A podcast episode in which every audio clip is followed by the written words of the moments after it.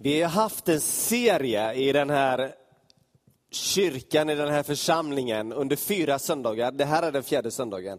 Och nu ska vi försöka så att säga dra ihop säcken om Filipperbrevet.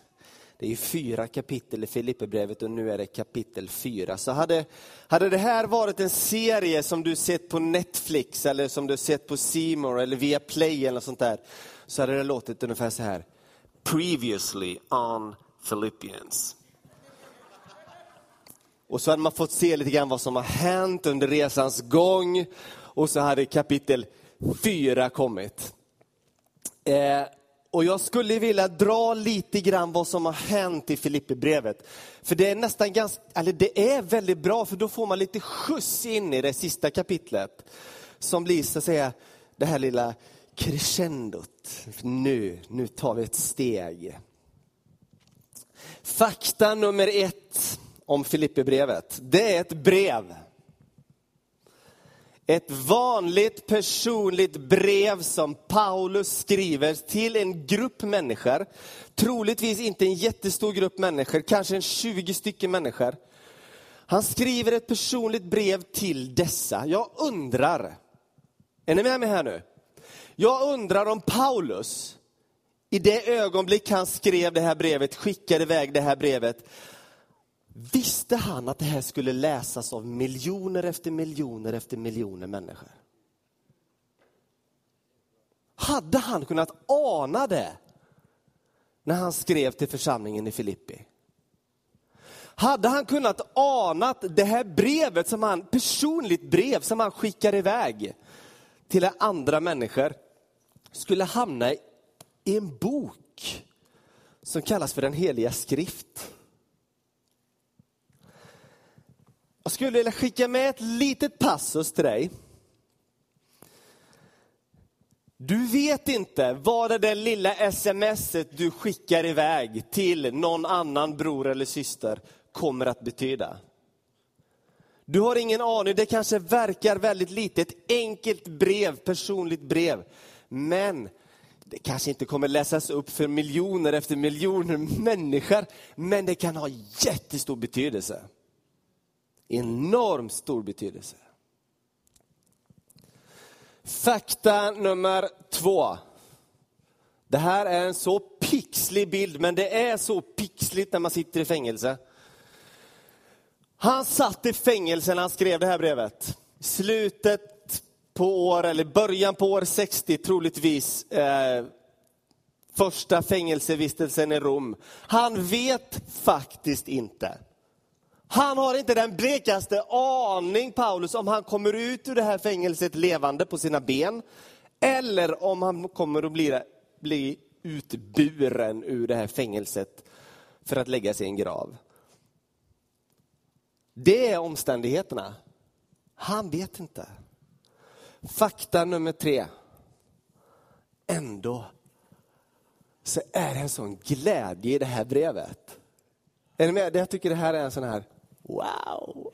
Ljuvlig bild av, av vad glädje handlar om. Alltså, det är bakgrunden. Han sitter i fängelset och han vet inte och det är inget Sheraton han sitter på. Han sitter i en stock, han sitter fastkedjad. Det är fuktigt, det är mörkt, det är kallt, det springer råttor, han får ingen mat, eller i alla fall inte så mycket som han behöver. Och ändå är hela det här brevet så impregnerat av och glädje i Herren.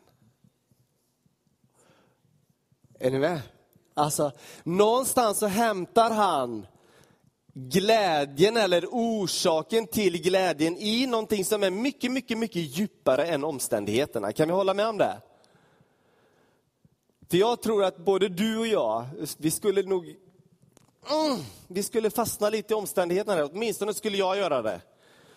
Men det här kan väl inte vara meningen? Men Paulus, han har lyckats se något annat. Så, previously in Philippians. Eh, Paulus han börjar sitt brev med att uttrycka sin enorma tacksamhet. Han är så impregnerad av tacksamhet, Paulus. Och vet ni vad det är han är tacksam över? Människorna.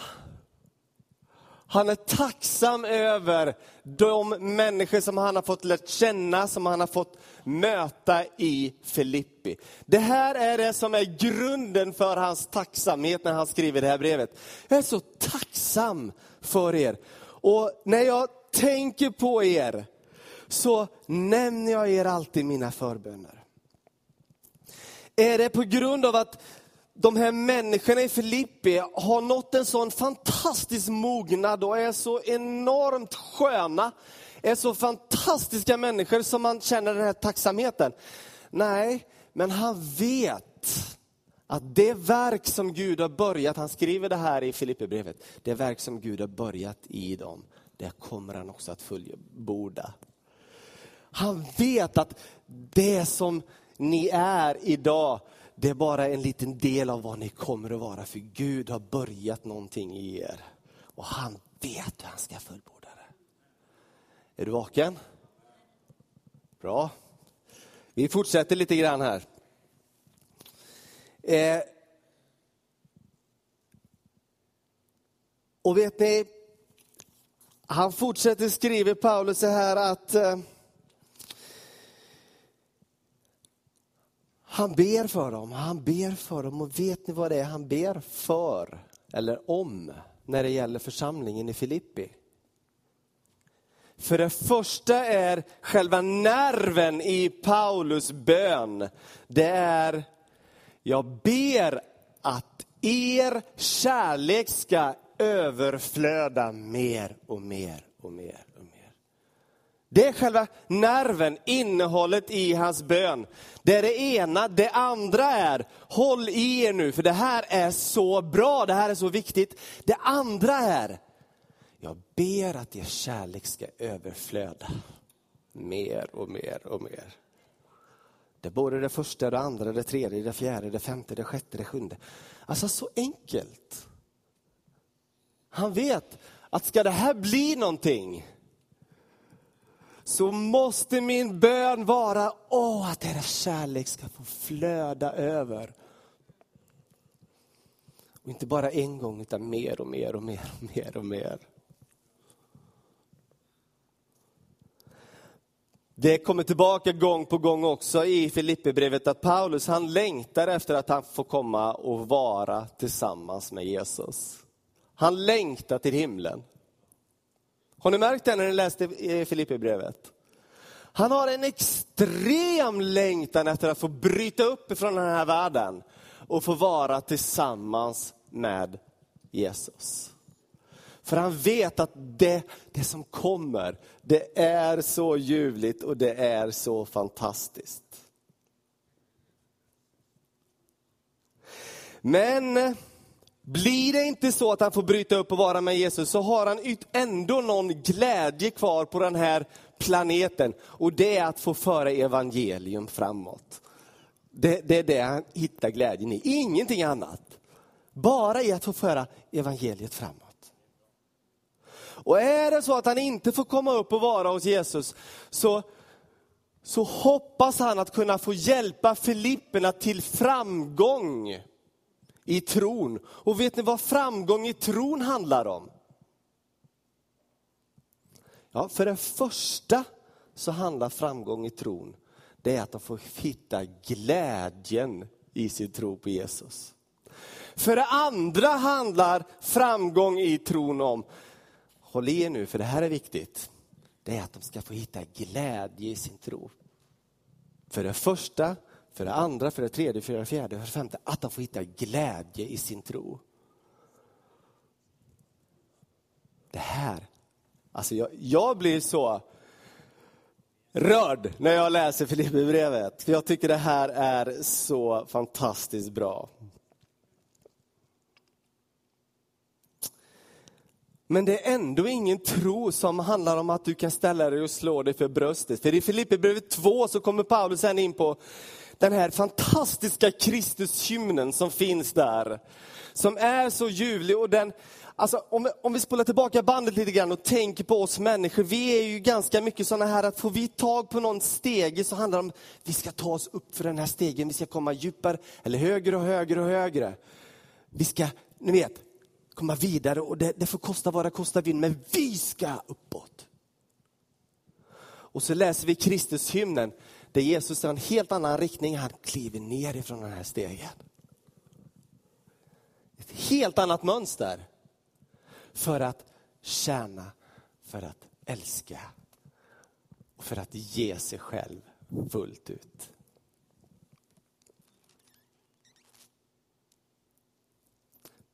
Att vinna Kristus och bli funnen i honom, det är värt allt, säger Paulus.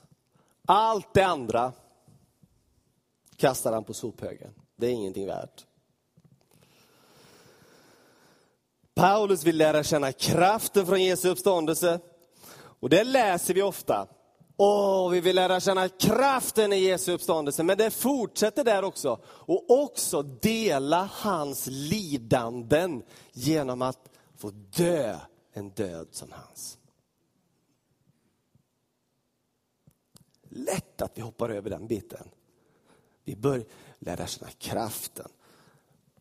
Men han vet Paulus, och han tar upp det flera gånger i Filipperbrevet, att hans lidanden har faktiskt fått föra evangeliet framåt. Och det kommer vi tillbaka till alldeles i slutet på Filipperbrevet 4. Och så kommer vi fram till slutet av kapitel 3 som är strax då innan vi går in i fjärde kapitlet här då talar Paulus om den här nerven som finns där hela tiden. Han talar om det här framtidshoppet som vi har. När han säger, ni vet väl att vi är medborgare i himmelen. Ni vet väl, ni har väl er blick fäst på det som ska komma. Ni tappar väl inte det här? Därifrån så väntar vi oss Kristus. Nu tänkte jag att vi ska göra det väldigt enkelt. Vi ska läsa kap eller Filipperbrevet kapitel 4. Det här är ju ett brev. Det här är faktiskt ingen djuplodande teologisk skrift, utan det här är ett brev som Paulus skickar till en församling för att locka dem att se vilket fantastiskt liv man kan få leva tillsammans med Jesus. Så därför tror jag på det här att läsa Guds ord och låta han tala genom detta. Filipperbrevet kapitel 4, vers 1. Det börjar så här. Stå därför fasta i Herren, mina älskade och efterlängtade bröder. Min glädje och min krona, mina älskade. Alltså han hänvisar tillbaka till det han precis har sagt. Och vad var det han sa? Jo, men vi har vårt medborgarskap i himlen och därifrån väntar vi Herren Jesus Kristus som frälsare. Han ska förvandla vår bräckliga kropp och göra den lik hans härlighetskropp när han ska lägga allting under sig. Alltså, därför, säger han nu sen, stå fasta i Herren. Stå fasta på grund av att vi har en himmel att vänta oss. Tänk att det kommer en dag då han ska förvandla den här bräckliga kroppen till en härlighetskropp. Hur den kommer se ut det vet jag inte, men jag tror den blir bra. Vad tror du? Jag tror den blir fantastiskt bra. Eh, för mig handlar det här om att sätta vår blick på himlen och det som Paulus, eller det som Gud har för oss i himlen. Inte om en ljusblå flykt, utan det handlar om att få med en så att säga, vitamininjektion i det liv som vi lever här och nu. Och jag tror att när vi, när vi tappar blicken på den här evighetshoppet som vi har, så tappar vi också den här injektionen av vitamin i det liv som vi lever här och nu. Vi blir väldigt, som, som Luther talar om, att plantera sina äppelträd, men vi planterar väldigt mycket äppelträd efter ett tag. Är ni med hur jag menar? Alltså vi behöver ha vår blick på det som kommer. Och jag, jag tror att det är så här att eftersom Paulus har det, den skärpan inställd så kan han säga om församlingen, om den här gruppen av människor som han skriver till att mina älskade, er som jag längtar efter. Ni som är min krona. Alltså det är det han ser framför sig när han ser folket, när han ser församlingen. Och jag tror, och jag hoppas att du vill tro tillsammans med mig att det är precis dit vi är på väg som, som ena kyrkan. Där vi börjar längta efter varandra. Där vi, där vi ser på varandra att du är, du är min krona. Han har kommit dit, Paulus. Och vet du, jag tror att vi kommer komma dit också. Det vi kan, känna, det vi kan säga och vi kan känna, ni mina älskade.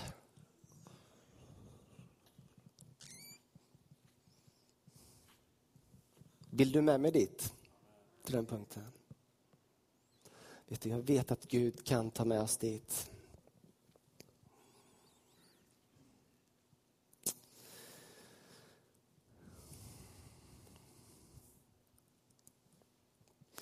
Jag uppmanar Evodia och uppmanar Syntake att vara eniga i Herren. Ja, även dig, trofaste medarbetare, ber jag.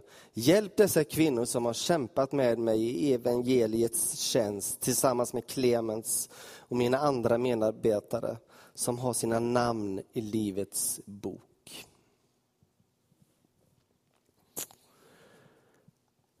Det här beskriver något som det är i en församling. Det är meningsskiljaktigheter. Vi tycker olika. Har du upplevt det någon gång? Nej, inte i ena kyrkan. Här tycker vi likadant allihopa. Nej, vi tycker olika. Men ändå så är det nästan som Paulus säger, gör inte sån jättestor grej av det här, utan det viktiga är att vi ser att vi har ju alla våra namn skrivna i Livets bok. Det är det som står över liksom allt annat. Men ändå, hjälp varandra så att vi inte sliter och förgör varandra, tror jag att Paulus säger mellan raderna. För mig blir detta nästan som när Paulus återigen lyfter in himmelska perspektivet i det här. Så jag läste någonstans att Abraham Lincoln, ni vet den här som amerikanske presidenten, var han den första eller vad var han? Han var den första amerikanske presidenten. Det var väldigt många svåra och stora och allvarliga beslut man skulle ta. Och så satt han med sitt, hela sitt kollegie av eh, män som skulle sitta och bestämma. Och när man inte kom till någon slags konsensus, utan man bara kom fram till att det, det här är för svårt, hur ska vi, ska vi tänka? Då tog han med alla ut. Och så gick de och ställde sig ute i natten och så tittade de upp i stjärnorna. Och så såg de detta enorma universum. Och så sa Abraham Lincoln så här att nu tror jag att vi förstår att vi är ganska små och de besluten vi ska ta är inte så jättestora. Det är ungefär som så tror jag som Paulus resonerar här. Okej, okay, ni tycker lite olika, men hörni, det viktiga är att vi har ju våra liv, eller våra namn i Livets bok. Tänk om vi kunde se så på varandra också. I den här gemenskapen.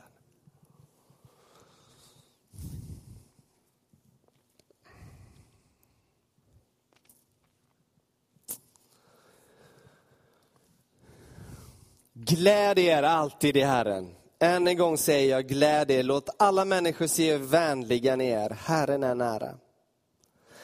Bekymra er inte för något, utan låt Gud få veta alla era önskningar genom bön och åkallan med tacksägelse. tacksägelse. Då ska Guds frid som övergår allt förstånd bevara era hjärtan och era tankar i Kristus Jesus. Det är väl kanske ett av de absolut mest välkända verserna i Filipperbrevet, eller vad tror ni?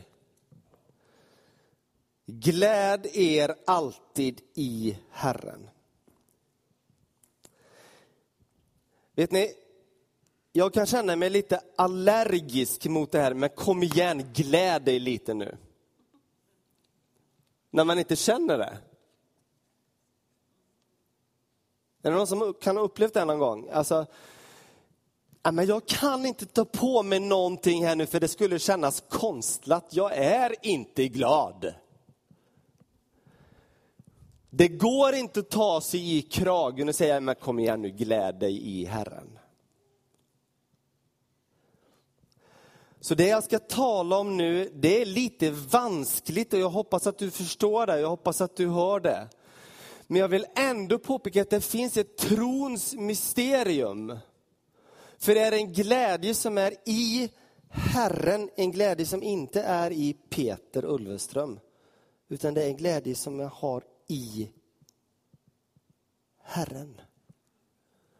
Och jag tror att det finns en skillnad där. Jag ska säga att jag inte greppat det här fullt ut, men jag anar ett trons mysterium.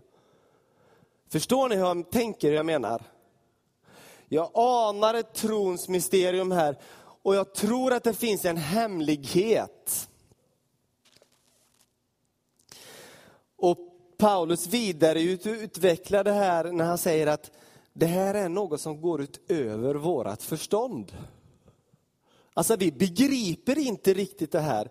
Jag har upplevt mig själv stå i omständigheter som egentligen är ganska, ja för att inte säga djävulska. Och ändå kunnat känna en glädje som porlar upp. Och då anar jag att det är den glädjen Paulus talar om. För det är en glädje som jag inte kan producera själv. Jag kan inte ta mig i kragen. Glädje dig nu lille pojk. Du har ju det ganska bra. Men det är ändå någonting som kommer där inne.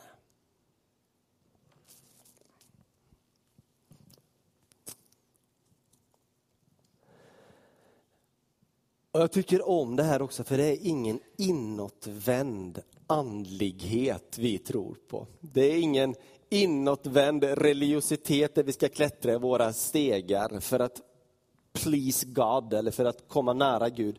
Utan det är så handfast. Alltså var vänliga mot varandra. Han tar upp det här, var vänliga mot varandra.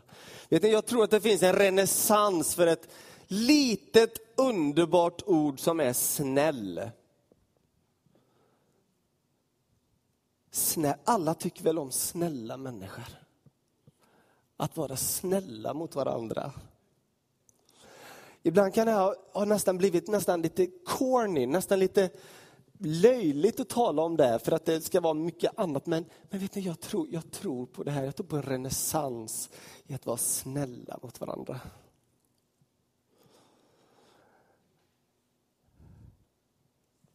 Tänk att få komma till en gemenskap där man vet att där finns det bara snälla människor.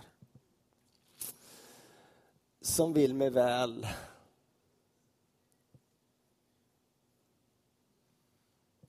Ah.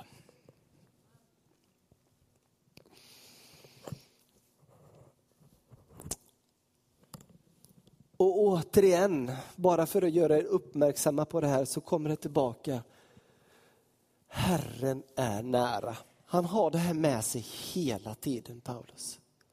Himmelen, Herren kommer tillbaka, Herren är nära. Det här finns med hela tiden. Vi kan stå fasta på grund av att vi har vårt medborgarskap i himmelen. Hela tiden tillbaka till detta. Den himmelska verkligheten. Bekymra er inte för något bekymmer, oro. Finns det någonting som är en större glädjetjuv än bekymmer och oro? återigen så är det vanskligt att tala om detta, för det går inte att säga till en människa, sluta bekymra dig. Eller sluta oroa dig. Det är nästan oförskämt att säga så till någon människa till och med. Och ändå så vill jag mena på att det finns en trons hemlighet här. Jag tror vi behöver väldigt mycket vishet och visdom när vi talar om de här sakerna för att det är mycket känslor inblandat. Men det finns en trons hemlighet, en trons mysterium. Det står inte att, det finns inget garanti för att nämn alla dina bekymmer och så kommer alla de bekymren att lösas. Så står det inte, eller hur? Men det står att vi ska få Guds frid. i oss, eller till oss. En frid som övergår allt förstånd. Som ska bevara våra hjärtan och våra tankar i Kristus. Och jag, det här är också Paulus favoritord, i Kristus. Har ni märkt det? Alla breven, det är i Kristus allting. är. Det är i Jesus, i Herren. Ingenting som vi har i oss själva, utan allting är i Kristus, i Jesus.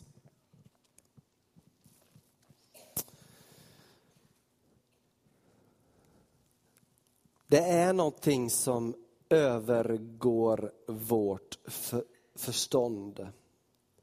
Men det är en frid som kan bevara våra hjärtan det är ofta i hjärtat. Har ni märkt det när man är riktigt orolig och riktigt full av bekymmer? Vad är det som rent fysiskt känns i kroppen? Det är nästan som det är ett spännband som dras över hjärtat. Har du varit med om det någon gång? Alltså det kramar åt. Här. Över hjärtat.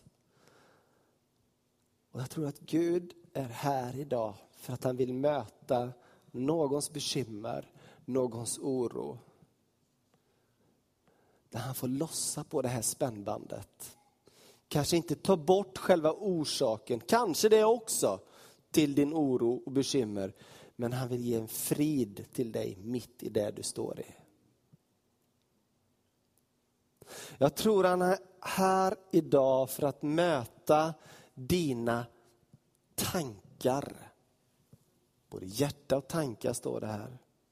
För du vet, när du är full av bekymmer och full av oro så är det runt det tankarna gnager. Det första du gör när du vaknar på morgonen och det sista du gör när du lägger dig på kvällen. Vet, Gud är här idag för dig, någon här inne, några här inne, för att möta de här tankarna som bara snurrar. Hela tiden mal där inne. Och som tjuvar glädjen ifrån dig.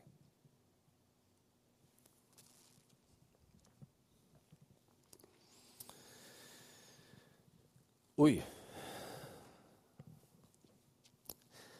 Vet ni vad, jag, jag, tror jag hoppar fram lite grann. Jag, jag, tror jag gör en liten snabb sammanfattning bara på resten. Jag märker att tiden rinner på så väldigt. När vi fortsätter läsa i det här brevet så tar Paulus upp det här att det är så fantastiskt att ni delar med er och stöder mig med era gåvor och att ni tänker på mig och så vidare. Och och så tar han upp det här att det här är någonting som Gud kommer att välsigna.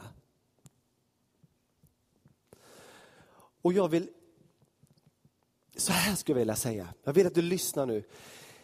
Är det någon som erbjuder dig en tjänst? Det kan vara en ekonomisk tjänst, det kan vara en tjänst att göra någonting för dig. Så var inte så svensk och säg nej, jag vill inte vara till något bekymmer. Utan säg tack. Vill du göra det för mig? För att när vi är de här svenska människorna vet du, som, som säger nej men jag vi ska inte, jag vill inte vara till något bekymmer.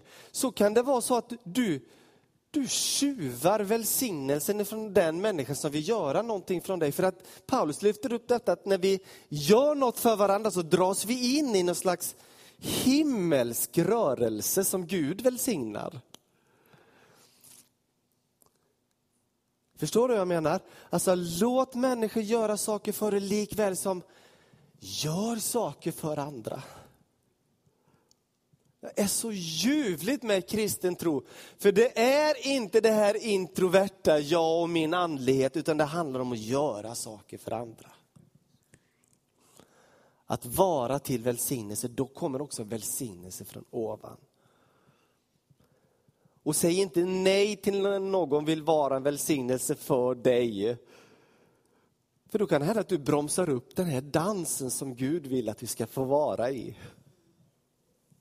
Låt den flöda. Och så kommer det här hälsningen på slutet. En hälsning det jag först inte begrep riktigt vad Paulus talar om. att jag, Speciellt ska jag hälsa härifrån, ifrån kejsarens hus. Och så började jag undersöka mer och mer om detta. Jag började läsa i kommentarer så förstod jag att Paulus hade varit ett tag där i fängelset i Rom och under den här tiden så hade han lyckats få träffa folk ifrån kejsarens hus och de hade kommit till tro. Så till och med folk från kejsarens hus hälsar till församlingen i Filippi. Alltså det här är den Gud vi lever i. Vi lever i, vi lever med, vi lever tillsammans. Så ta chansen här nu idag. Känner du oro? Har du bekymmer? Och jag vet, här skulle vi kunna gå fram allihop allihopa ställa oss och ta emot bön. Förbön. Nu behöver man inte ställa sig där utan man kan också sitta kvar i sin stol och bara Gud, jag vill ta det här paketet nu och lägga det vid dina fötter. Men det är en styrka att få ta ett steg och få bli betjänad. Kan det vara så att du, du bryter den där dansen det är någon som vill betjäna dig med förbön. Amen.